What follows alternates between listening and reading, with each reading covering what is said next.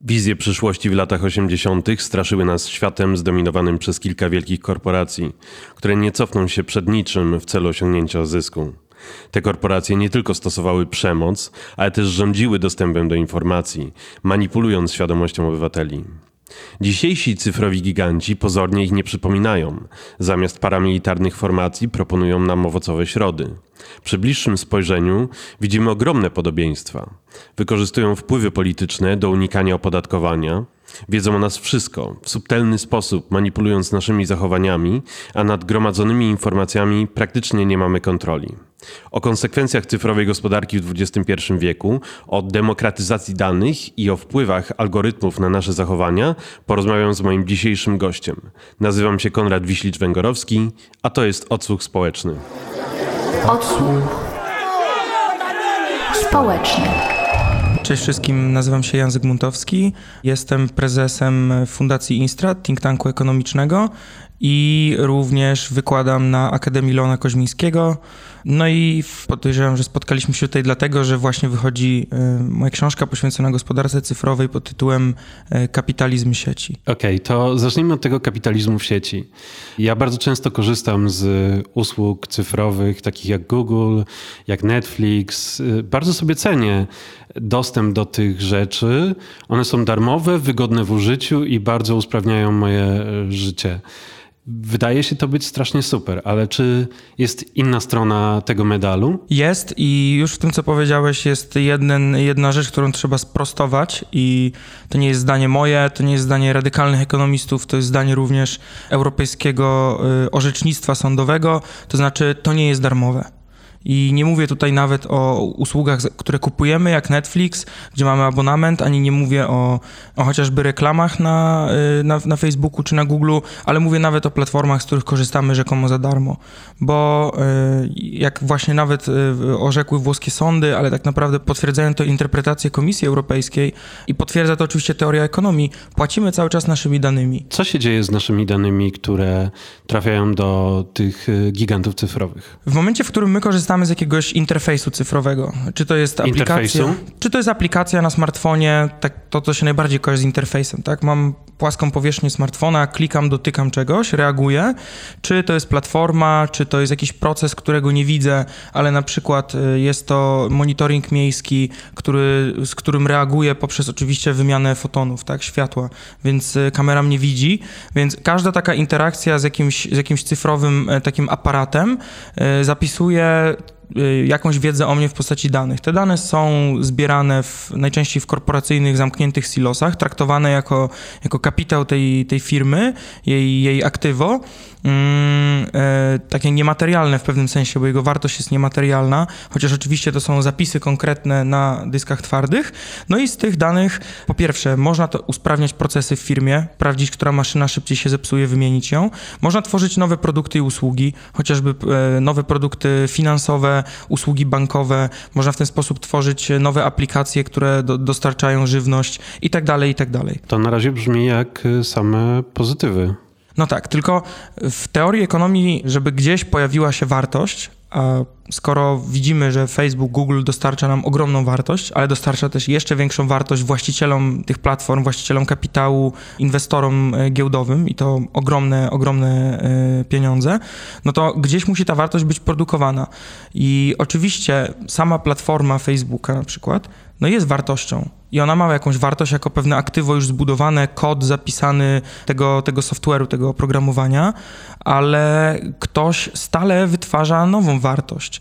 I w tradycyjnej fabryce mówiło się o tym, że no jest maszyna i jest człowiek, który pracuje. Łączymy kapitał w postaci maszyny, pracę człowieka, pracę taką fizyczną i to tworzy stale nową wartość. W fabryce sieci my, będąc w sieci, każda nasza aktywność jest z punktu widzenia platformy pracą. Bo... I w jaki sposób ta platforma mm, czerpie z tego korzyści? W jaki sposób, skąd biorą się pieniądze w tym systemie gospodarczym? Ostatecznie musisz gdzieś zmonetyzować te dane, więc możesz to zrobić właśnie oferując y, jeszcze lepsze produkty i usługi, przez co wycinasz zupełnie konkurencję żeby zbudować najlepszy produkt, najdoskonalszy, taki, który personalizuje, optymalizuje, dostarcza tobie dokładnie to, czego chcesz, Czy możesz, dane. czy możesz użyć jakiegoś przykładu? Najprostszym przykładem no, będą y, te y, sieci, które urosły najbardziej i właśnie które, które są na samym szczycie. Mówi się często o GAFA, więc y, wspomnienie tutaj o Google czy o Facebooku jest myślę najcenniejsze. Jeśli chodzi o Google, który myślę, że jest o tyle ciekawym przykładem, że twórcy Google'a wiedzieli, co robią. Kiedy Page i Brin, czyli ci, ci, ci dwaj y, twórcy Google'a w 90 bodajże 8 roku, publikowali taki matematyczny paper naukowy, taką, taką pracę naukową, opisali w niej, w jaki sposób stworzyć ten algorytm PageRank. To jest on jest zmieniony dziś, ale to jest główne serce tak naprawdę tego algorytmu, który wyświetla wyniki wyszukiwania w Google. Okazuje się, że oni byli świadomi tego, że każdy sposób encyklopedycznego ułożenia wiedzy, to co wcześniej miały encyklopedie Britannica, to co później kopiowały inne wyszukiwarki, jak Yahoo na przykład, polegał na tym, że e, jacyś eksperci siedzą, wykonują pracę umysłową, żeby skategoryzować, to jest dobre źródło, to jest słabe źródło, a potem dobre źródła odnoszące, odnoszą dalej też pewnie do dobrych źródeł. Tymczasem oni stwierdzili nie to użytkownicy całego globu, linkując do różnych rzeczy, sami wskazują innym użytkownikom, co jest wartościowe. Więc ten, kto jest najczęściej linkowany, jest najbardziej wartościowy. Więc jesteśmy w stanie wykopać całą pracę, którą ludzie wkładają w polecanie sobie wzajemnie linków i na tej pracy stworzyć największą wyszukiwarkę. A na końcu oczywiście, no w tej wyszukiwarce zacząć na samej górze pozycjonować y, tych, którzy zapłacą nam za reklamy. I do tej pory reklamy są no, głównym, ym, i to takim przeważająco, to jest to ponad 70% przychodów, y, y, przychodów Google'a i, i w konsekwencji Alfabetu, który jest no, jedną z tych pięciu najpotężniejszych korporacji technologicznych. Dobrze, to przejdźmy do pieniędzy. Co się dzieje z tymi pieniędzmi? W jaki sposób, jeżeli na przykład Google wyświetla reklamę firmy w Polsce, dzieli się korzyściami, które zostały wypracowane z polskim społeczeństwem? Zauważyliśmy tutaj, po, powiedziałbym, dwie takie strony tego. Pierwsza jest taka, że wszystkie innowacje w oparciu o dane i cała konkurencyjność jest podmywana i cały czas jest poddawana erozji, ponieważ nikt nie jest w stanie konkurować z tymi platformami. To jest najczęściej to, czego nie widzimy. Po prostu nikt nie może mieć tych danych, więc nikt nie jest w stanie wznieść się na ten sam poziom. No i jest drugi wymiar tego, który jest naj, najłatwiej policzalny, bo ten pierwszy, powiedzmy, jest, jest trudno policzalny. Widzimy go po tym po prostu, że te korporacje są wszechobecne. Ale drugi wymiar, o którym mówisz, podatkowy, jest bardzo policzalny. To są konkretne podatki, które w, w obecnym systemie prawnym, zgodnie z jakąś uczciwością gospodarczą, powinny być tu w rozumieniu w każdym kraju tak naprawdę, w którym nie są odprowadzane, a nie są, ponieważ internet jest wszędzie i nigdzie. I w związku z tym te firmy nie poczuwają się do tego, żeby płacić za swoją aktywność w jakimś kraju. Czyli jeżeli polski przedsiębiorca, dajmy na to, wykupuje reklamę w Google i płaci e, amerykańskiej firmie, to co się dzieje z podatkami od takiej transakcji? Polski przedsiębiorca, w ogóle jakbyśmy mieli wziąć małego przedsiębiorcę, który myślę, że jest takim idealnym kazusem, idealnym przykładem kogoś, kto myśli, że zyskuje na cyfrowej gospodarce, szczególnie gdy przychodzą te firmy i mówią, chodź, pomożemy ci szybko w pandemii się scyfryzować, będziesz miał sklep elektroniczny, damy ci jeszcze bon, stówkę na reklamy, to wszystko ci się przyda. A tak naprawdę on właśnie wjeżdża po prostu między młot a kowadło, z którego z tego impasu nie ma żadnego wyjścia. Z pierwszej strony mamy to, że przez ciągłe zbieranie tych danych bardzo łatwo jest później dużym korporacjom, takim jak chociażby Amazon, dosłownie skopiować sobie takiego polskiego przedsiębiorcę, zrobić sobie jego wewnętrznego klona, ściąć cenę o 10% i jeszcze pozycjonować się powyżej niego, wyciąć go z rynku i, i, i mu podziękować. I jest ta druga strona, która, jest, która polega na tym, że polscy przedsiębiorcy płacą krocie za reklamy w internecie. To są kwoty idące w, w, w miliardy złotych. Teraz będą chyba sięgały w tym roku, y, wydaje mi się, 5 miliardów złotych i z tej kwoty część normalnie jako zysk powinna wracać do budżetu państwa i finansować wydatki budżetowe. Tymczasem te korporacje w większości przez to, że nie mają tu żad- nie muszą mieć fizycznej obecności w kraju, bo wszystko robią zdalnie przez internet. W związku z tym najczęściej rejestrują się w krajach, w których są bardzo łagodne reżimy podatkowe, żeby nie powiedzieć, te kraje celowo stworzyły tam po prostu raje podatkowe, żeby y, osłabiać inne kraje kosztem jakichś niewielkich korzyści. Czy mogę ci na chwilę przerwać. Mógłbyś Jasne. wytłumaczyć nam, czym jest raj podatkowy? Jak on działa? Są różne schematy, żeby ten raj podatkowy zorganizować. Podam ten konkretny przykład, bo on jest najbardziej znamienny, najszerzej wykorzystywany, to znaczy przypadek Irlandii. Irlandia po prostu ma dosyć niskie stawki podatkowe, natomiast samo to nie jest w ogóle głównym sposobem wyprowadzania środków. Tam istniał taki schemat, który e, był nazywany e, irlandzką kanapką. Czasami po drodze jeszcze była Holandia, e, która też służy mm, przerzucaniu tego między kilkoma podmiotami, no ale najczęściej pieniądze lądują tak naprawdę na Bermudach, bo był tam taki schemat, który może zabrzmieć absurdalnie teraz dla słuchaczy i słuchaczek, ale polegał on na tym, że spółka jest formalnie zarejestrowana w Irlandii, natomiast twierdzi, że e, na przykład główny zarząd, główne koszty prac badawczych, koszty swojego logo, albo wręcz rzeczywistą siedzibę spółki ma na Bermudach. I irlandzkie prawo pozwalało na to, żeby bezproblemowo, bez dyskusji na cenach transferowych, jakby mimo tego, że spółka jest z tej Irlandii, no to ta część spółki, która była rzekomo bardziej bermudzka, mimo że była zarejestrowana w Irlandii, mogła przyjmować stawkę bermudzką, która zgadnijcie wynosi 0%. 0% stawki opodatkowania od y, zysku, Zysków. przedsiębiorstw. Tak, zgadza się. To Dobrze, Bermudy od- właśnie. od tego Raj dla wielu firm, miejsce, gdzie gdybyście próbowali spojrzeć na te statystyki, wydaje się, że są siedziby wszystkich najpotężniejszych korporacji, a jednak nie widać, żeby tam było jakieś Wall Street. Od tego schematu już mi troszeczkę głowa paruje.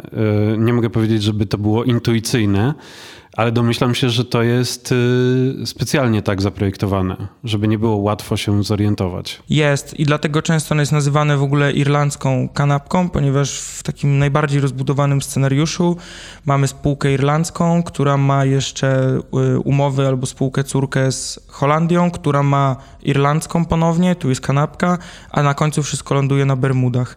I można to robić różnymi sposobami. Można stosować ceny transferowe, czyli umawiać się, że my w firmie, skoro jesteśmy spółką matką i córką, to troszeczkę innymi cenami albo kosztami będziemy siebie wzajemnie traktować. Więc ja na przykład y, mam moje logo zarejestrowane w jednej spółce, a ty, mimo że jesteś spółką córką, musisz mi płacić za to logo i to my sobie wymyślamy kwotę, no bo kto może to wycenić. Albo można dawać na przykład y, kredyty, które są rolowane w nieskończoność, no ale spłata odsetek od tego kredytu na przykład nie jest objęta już Rolowane? podatkiem. Tak, to znaczy cały czas ten kredyt jest przedłużany. Tak naprawdę Okej.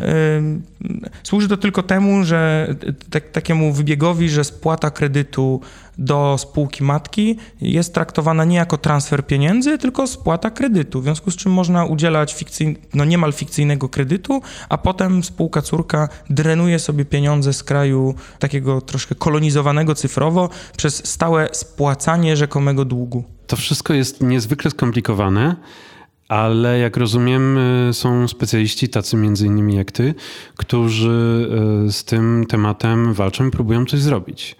E, Dlaczego to wciąż jest legalne? Co możemy zrobić, by takie praktyki się nie odbywały? Lub czy możemy w jakikolwiek inny sposób zapobiegać temu problemowi? Dlaczego są legalne? To przede wszystkim problem tego, że y, jednak y, tutaj właściciele kapitału i największe korporacje wywalczyły sobie totalną pobłażliwość władz wobec tych wszystkich zagrań, wobec kolejnych afer.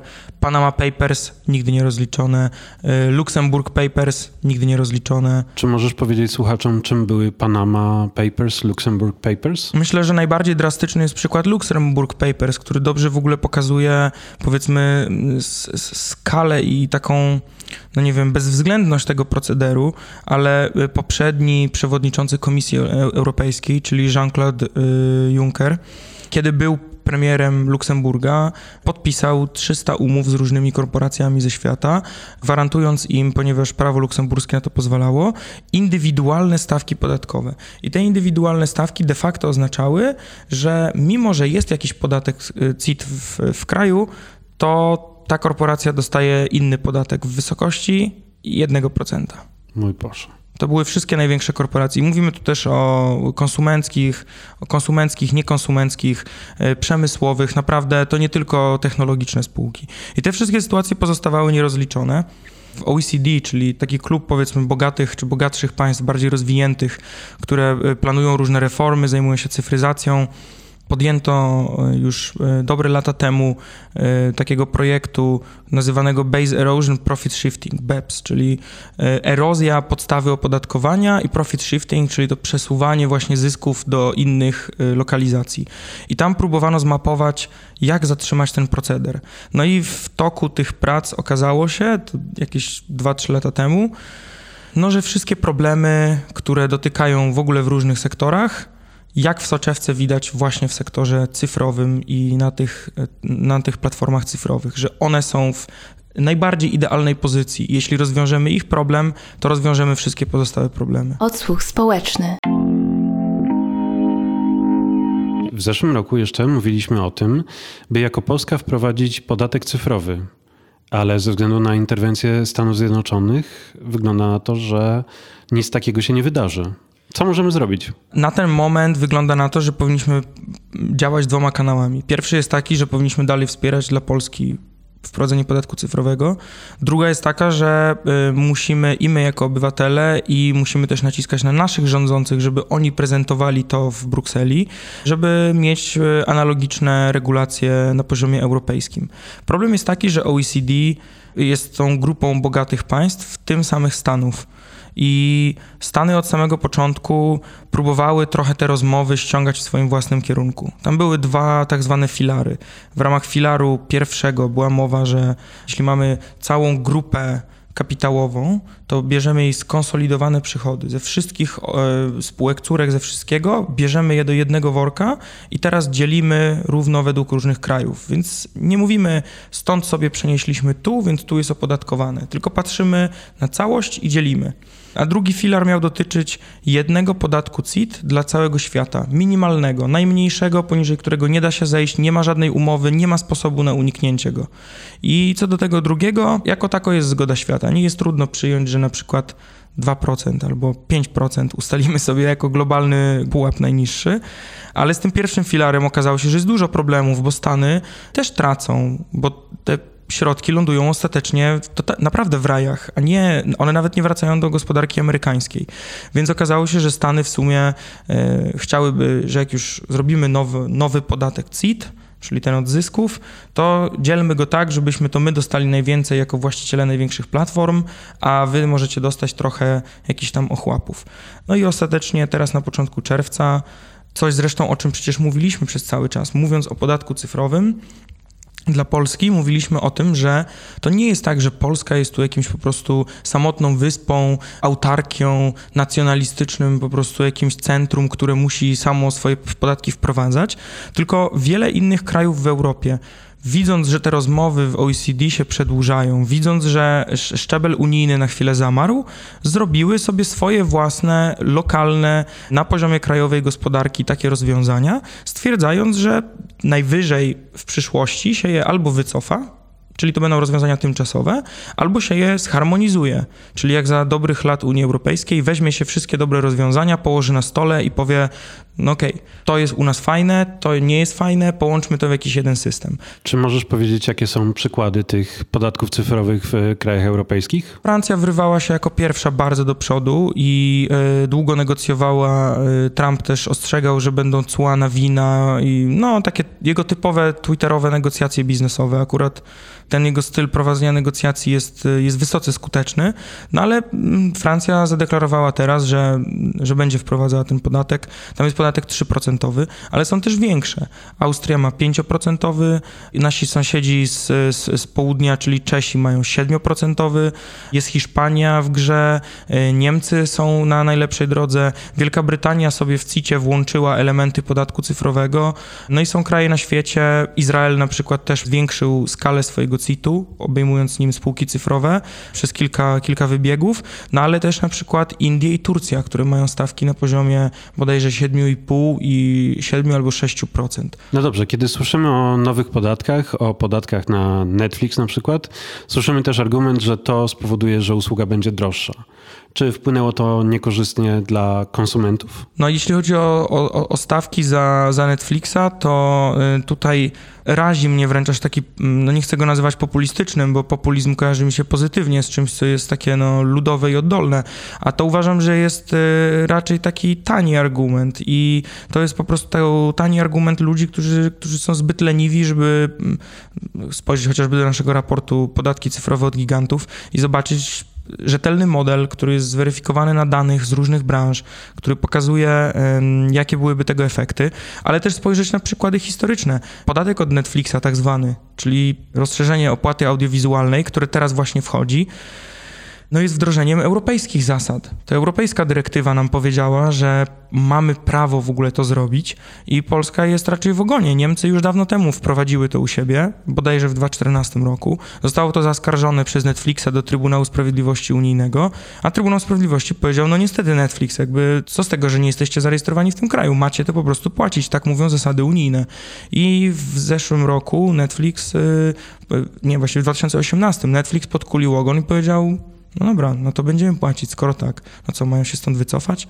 Nas i tak Netflix traktuje jako kraj no, pewnego gorszego rzędu. Wystarczy spojrzeć, jak szeroka jest oferta Netflixa w Wielkiej Brytanii, w Niemczech, w Francji, a jaka jest w Polsce. I to jest prawdziwy problem, że ta platforma pobiera od nas duże środki, a tnie na jakości tego, co nam dostarcza, czyli po prostu na licencji, na filmy i seriale, które są, są dla nas dostępne.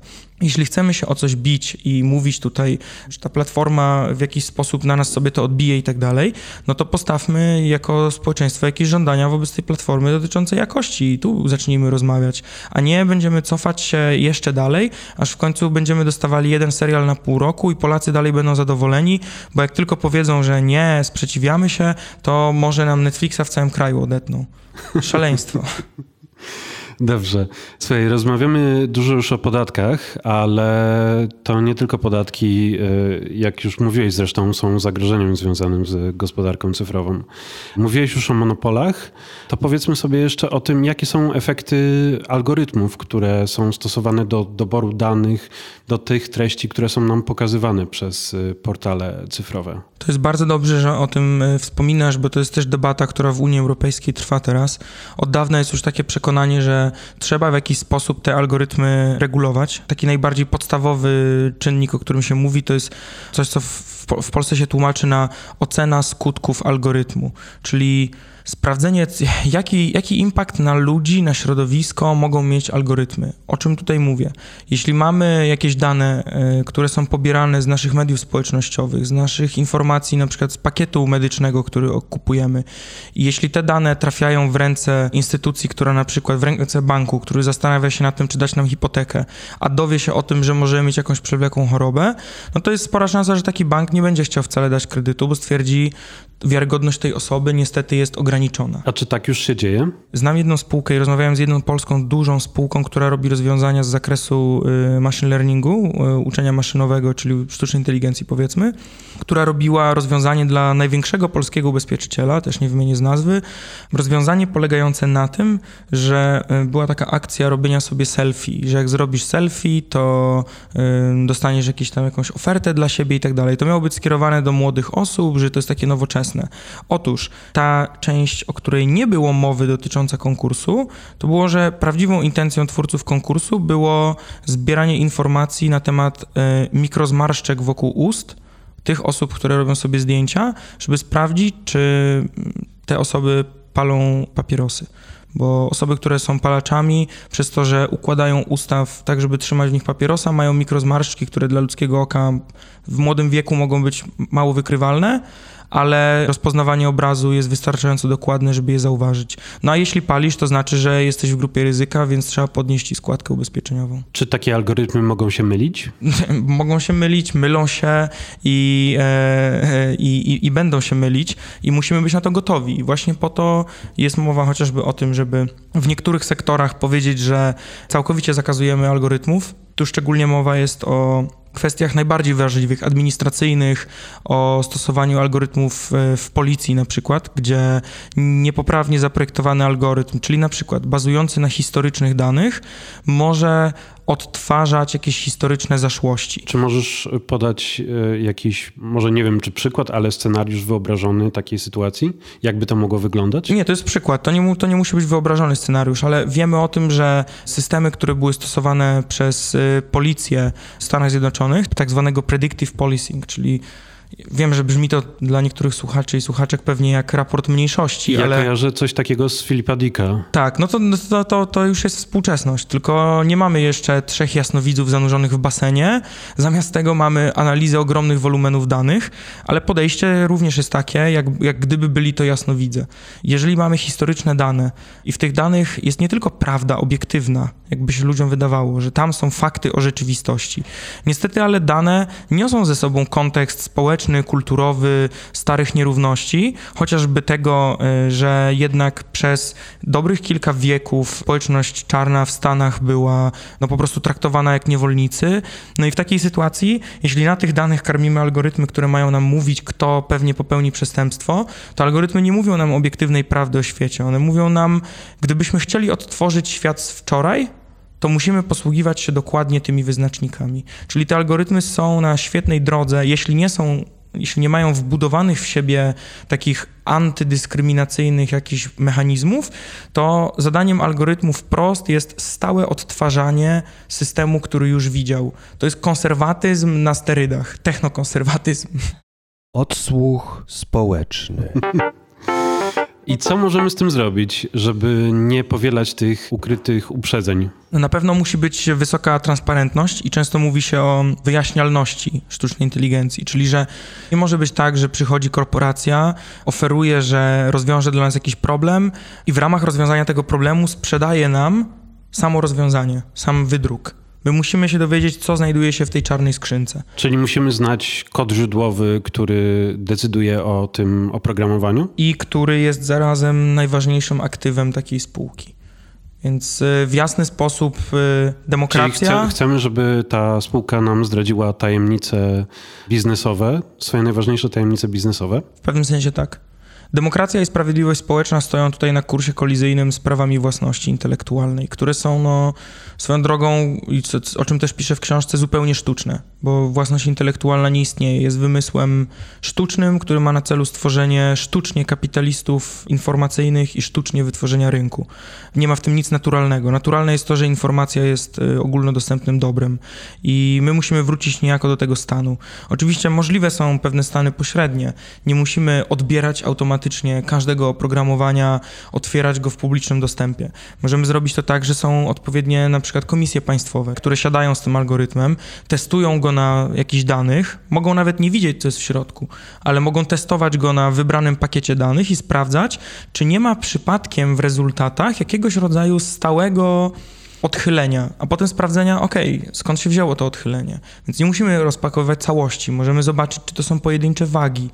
To jest trudne zadanie, ale ym, nawet eksperci, tacy jak Paul Nemitz chociażby, wybitny niemiecki prawnik, jeden z twórców y, RODO, mówił o tym, że można by stworzyć coś w rodzaju takiego technologicznego zielonego pokoju, czyli takiego odpowiednika pokoju, do którego można wpuścić interesanta, który może przejrzeć sobie całą dokumentację techniczną, wszystko zobaczyć, ale nie może mieć przy sobie telefonu, nie może mieć żadnego urządzenia rejestrującego, natomiast może to sprawdzić. Być może podobnej rzeczy potrzebujemy dla tych algorytmów. W najdalszym wariancie, no to powinniśmy po prostu dane algorytmy nie puszczać luzem na rynku, ale jasno wskazywać, jakie mamy wytwarzać, żeby iść w kierunku społeczeństwa dobrobytu. Czy tutaj mówimy w takim razie o zwiększonej kontroli państwowej lub międzynarodowej nad zasobami danych? I czy to nie niesie za sobą innych zagrożeń, takich jak e, w systemach niedemokratycznych? Absolutnie. To jest główne zagrożenie, że zostaną wykorzystane w sposób autorytarny, zostaną wykorzystane do profilowania ludzi. Natomiast to jest ścieżka, którą w pewnym sensie już widzimy. To znaczy, główne firmy takie jak Facebook, Microsoft, Google w większości, po pierwsze, mają swoich przedstawicieli w, na przykład w e, fundacjach przy związkach zawodowych policji w Stanach więc y, już są gotowe i są blisko zaprzyjaźnione z policją, udostępniają służbom i policji dane dotyczące użytkowników, więc to, to się w pewnym sensie dzieje. No a w niektórych przypadkach, jak w Chinach chociażby, no mamy już y, zupełnie autorytarną kontrolę. Także ryzyko tego autorytarnego wykorzystania istnieje. Natomiast e, na pewno musimy po prostu w jakiś sposób dowartościować sferę publiczną i musimy dowartościować demokratyczną kontrolę nad danymi, które z jednej strony są głównym źródłem e, wartości pracy informacyjnej ludzi, więc są kapitałem, a z drugiej strony mają wartość no, prywatności i taką wartość indywidualną, która tym bardziej musi być chroniona i i która może być też wykorzystana i na złe, ale też na dobre sposoby. Przejdźmy jeszcze na chwilę do Chin, o których wspomniałeś. Jak wygląda chiński system kontroli obywateli? Zasadniczo on opiera się o spółki, które teoretycznie są prywatne, ale tak naprawdę jest to taki no, ostry korporacjonizm, bo one muszą, e, są w stałym dialogu z komunistyczną partią Chin i stale ustalają jakby kierunki swojego rozwoju. De facto większością tego systemu jakby rozporządza kilka korporacji, to jest na przykład WeChat. Przez ten WeChat dzieje się większość rzeczy, to znaczy nie ma osobno Ubera, osobno Facebooka, osobno poczty, tak jak u nas, ale jest jeden WeChat, z którego korzystają wszyscy więc też WeChat zbiera wszystkie te dane, ale są też na przykład e, takie korporacje jak Ant Financial, która zajmuje się stroną finansową. I Chiński sposób kontroli pojawił się trochę dlatego, że bardzo szybki rozwój tych aplikacji i bardzo szybki rozwój nowoczesnej bankowości był trochę nie do pogodzenia z y, masowym napływem ludzi z prowincji chińskiej, szczególnie tej zachodniej prowincji, do silnie uprzemysłowionego y, obszaru wschodniego, tego nadmorskiego. No i okazało się, że nie wiadomo zasadniczo, komu można ufać, komu można oferować kredyty, nie ma żadnego systemu, takiego jaki my mamy generalnie w krajach kapitalistycznych, czyli rating kredytowego, tak? Jakiejś historii kredytowej. No i mając możliwość zbudowania jej od zera, Chiny postanowiły oprzeć ją o właśnie taką niemal pełną inwigilację obywateli. I żeby ten system zbudować, rozpoczęto od monitoringu, który był najprostszy, to znaczy monitorowania na przykład, czy auta, które jeżdżą po drogach mają właściwe, mają właściwe licencje, z jaką prędkością jeżdżą, więc zaczęło się to powiedzmy od mo sfery mobilności, no ale jest już teraz rozwinięte na tyle, że rozpoznaje się twarze właściwie wszystkich obywateli, gdzie się poruszają i, i co robią. To jest tego jedna strona, a dalsza jest taka, że no jest teraz mowa o tym, żeby właśnie stworzyć taki system kredytu społecznego, który będzie wręcz punktował i nagradzał, tak grywalizował różne zachowania. Zachowania typu udostępnianie antychińskich memów negatywnie, a pozytywnie działalność w organizacjach wolontariackich. I Możemy powiedzieć, że w jakimś sensie ma to swój wymiar pozytywny, to znaczy rzeczywiście będzie nagradzać pewne społecznie takie pożądane obywatelskie czynności. Z drugiej strony pytanie brzmi, czy na pewno zaufanie chcemy budować na jakimś y, skwantyfikowanym systemie aplikacji i baz danych, czy zaufanie nie jest czymś, co wolelibyśmy, żeby powstało między, powstawało między ludźmi w oparciu o sieci współpracy, porozumienia, przyjaźni, a nie mediowane przez y, bazę danych Komunistycznej Partii Chin. Czyli system będzie mógł kształtować człowieka bez użycia przemocy, ale z użyciem narzędzi cyfrowych. Przerażające jest to, że mm, te wizje amerykańska i chińska, one, one tak naprawdę zbiegają do jednego punktu. Faktem co trochę innej rzeczywistości, ale który dobrze to obrazuje, jest to, że dosyć niedawno przecież y, Nagrodę Nobla z ekonomii tak zwaną, czyli Nagrodę Banku Szwecji, otrzymał ekonomista, y, który mówił wprost o nudgingu, czyli o bodźcowaniu ludzi.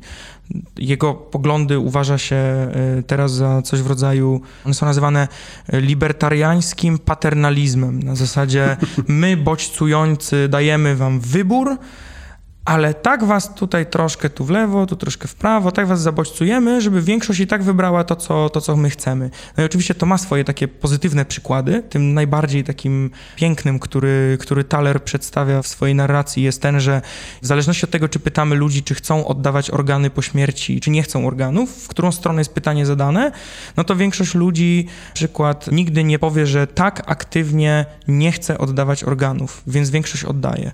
Więc jest łatwiej wtedy o organy do transplantacji, ratujemy więcej żyć. Tylko ten sam system można przenieść na wszystko. I Chiny wzięły sobie libertariański, rzekomo, system Talera i po prostu skalują go na całą populację. Od tej pory każdy papierek, każdy mem i każde miejsce, w którym byłeś, można sobie swobodnie ciebie zbodźcować. Plus 100, minus 10 zobaczymy, gdzie, gdzie skończysz. To nie jest tak, że Stany idą w innym kierunku. Po pierwsze, tak jak mówiłem, systemy rekrutacyjne w firmach, policja, wszyscy już wykorzystują masowo właśnie i monitoring, i te algorytmiczne oceny ludzi i, i jakieś ich klasyfikowanie i tu chociażby Virginia Eubanks świetną książkę napisała właśnie o automatyzowaniu nierówności i tworzeniu celowo takich zasieków algorytmicznych, żeby odrzucać ludzi z systemu, żeby utrudniać im dostęp do służby zdrowia, utrudniać im korzystanie z edukacji, dzięki temu ciąć koszty po prostu. Więc to jest jedna strona. Druga strona tego medalu jest też taka, że Google i Apple tworząc teraz w trakcie pandemii koronawirusa taki system do tak zwanego śledzenia kontaktów, kontakt tracingu, no też oparły go właściwie o to, z kim się spotykamy, tak? I na Bluetoothie nasze telefony mogą wymieniać te informacje. Na razie jest powiedziane, że to służy do informowania, czy przypadkiem nie byłeś w okolicy osoby, która była zarażona ale ten sam system z powodzenia można wykorzystać też do innych, bardziej inwigilacyjnych celów. Czyli mamy tak, mamy monopolizację, mamy kształtowanie i bodźcowanie zachowań ludzkich, mamy wreszcie oszukiwanie społeczeństwa na podatkach. To brzmi jak dosyć fatalny system e, gospodarki cyfrowej. No więc co powinniśmy zmienić? Jak powinien on się kształtować? Czy jest możliwa jakaś szeroka reforma tego systemu?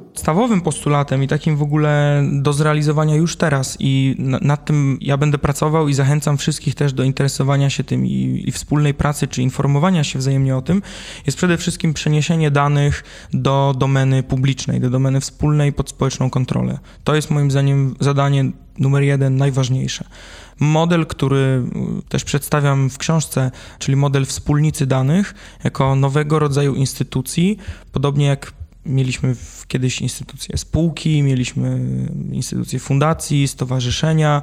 Tak, y, wiek gospodarki cyfrowej moim zdaniem wymaga zupełnie nowego rodzaju instytucji. Tą nową instytucję ja po prostu nazywam wspólnicą danych, co jest takim trochę naszym spolszczonym tłumaczeniem data commons, dobra wspólnego. Jeżeli będziemy dane chociażby medyczne, to jest naprawdę do wykonania. Jeżeli będziemy dane medyczne, które posiada i publiczna służba zdrowia, i posiadają prywatne placówki, jak chociażby LuxMedy, Medicavery, i posiadają je spółki technologiczne, to jest Fitbit, chociażby kupiony przez Google'a, czy Apple Watch, które mają informacje o stanie naszego zdrowia. Jeśli wszystkie je będziemy zbierać w, jednym miejscu, nie mówię, że to musi być jeden serwer, tak, fizycznie, ale że będziemy zbierać w jakiejś jednej, na jednej szynie, w jednej przestrzeni zaufanej danych i społecznie kontrolować, kto ma dostęp do tych danych, co na tych danych testuje, po co, dlaczego rozwija te algorytmy, jakie może rozwijać, na jakich warunkach. Czy na tych samych warunkach dopuścimy zespół z Uniwersytetu Medycznego, który chce rozwinąć nową metodę wykrywania e, raka trzustki, czy na tych samych dopuścimy też Google'a, który liczy po prostu, że dostanie się do bazy danych 30 milionów Polaków? O tak, za darmochę, no to trzeba będzie jakoś odpowiednio wyważyć. Myślę, że przeniesienie danych do tej domeny wspólnej jest w ogóle pierwszym krokiem, po pierwsze, żeby sztuczna inteligencja była nie tylko takim e, biznesowym hasłem, które kończy się tym, że w banku obsługuje nas robot e, przez słuchawkę, a stała się realną innowacją, która wspiera dzieci w edukacji, rozwiązuje problemy zdrowotne, optymalizuje rozwój miasta. Mógłbym naprawdę długo tak wymieniać, tak? Pomaga nam planować lepiej rolnictwo, przygotować nas na katastrofę klimatyczną. Jest bardzo wiele tych obszarów. No i wspólnice danych, jeśli naprawdę powstaną, będą też pierwszym elementem przez agregację wiedzy ludzi, będą też pierwszym elementem no, realizacji takiej marksowskiej wizji intelektu powszechnego, który kieruje całą gospodarką. Uch, to z, zabrzmiało bardzo intensywnie. Czy o tej koncepcji będziemy mogli przeczytać w Twojej książce? Tak, zdecydowanie. W ostatnim rozdziale wracam do mm, słynnej e, debaty kalkulacyjnej, zwanej też problemem właśnie kalkulacji w socjalizmie.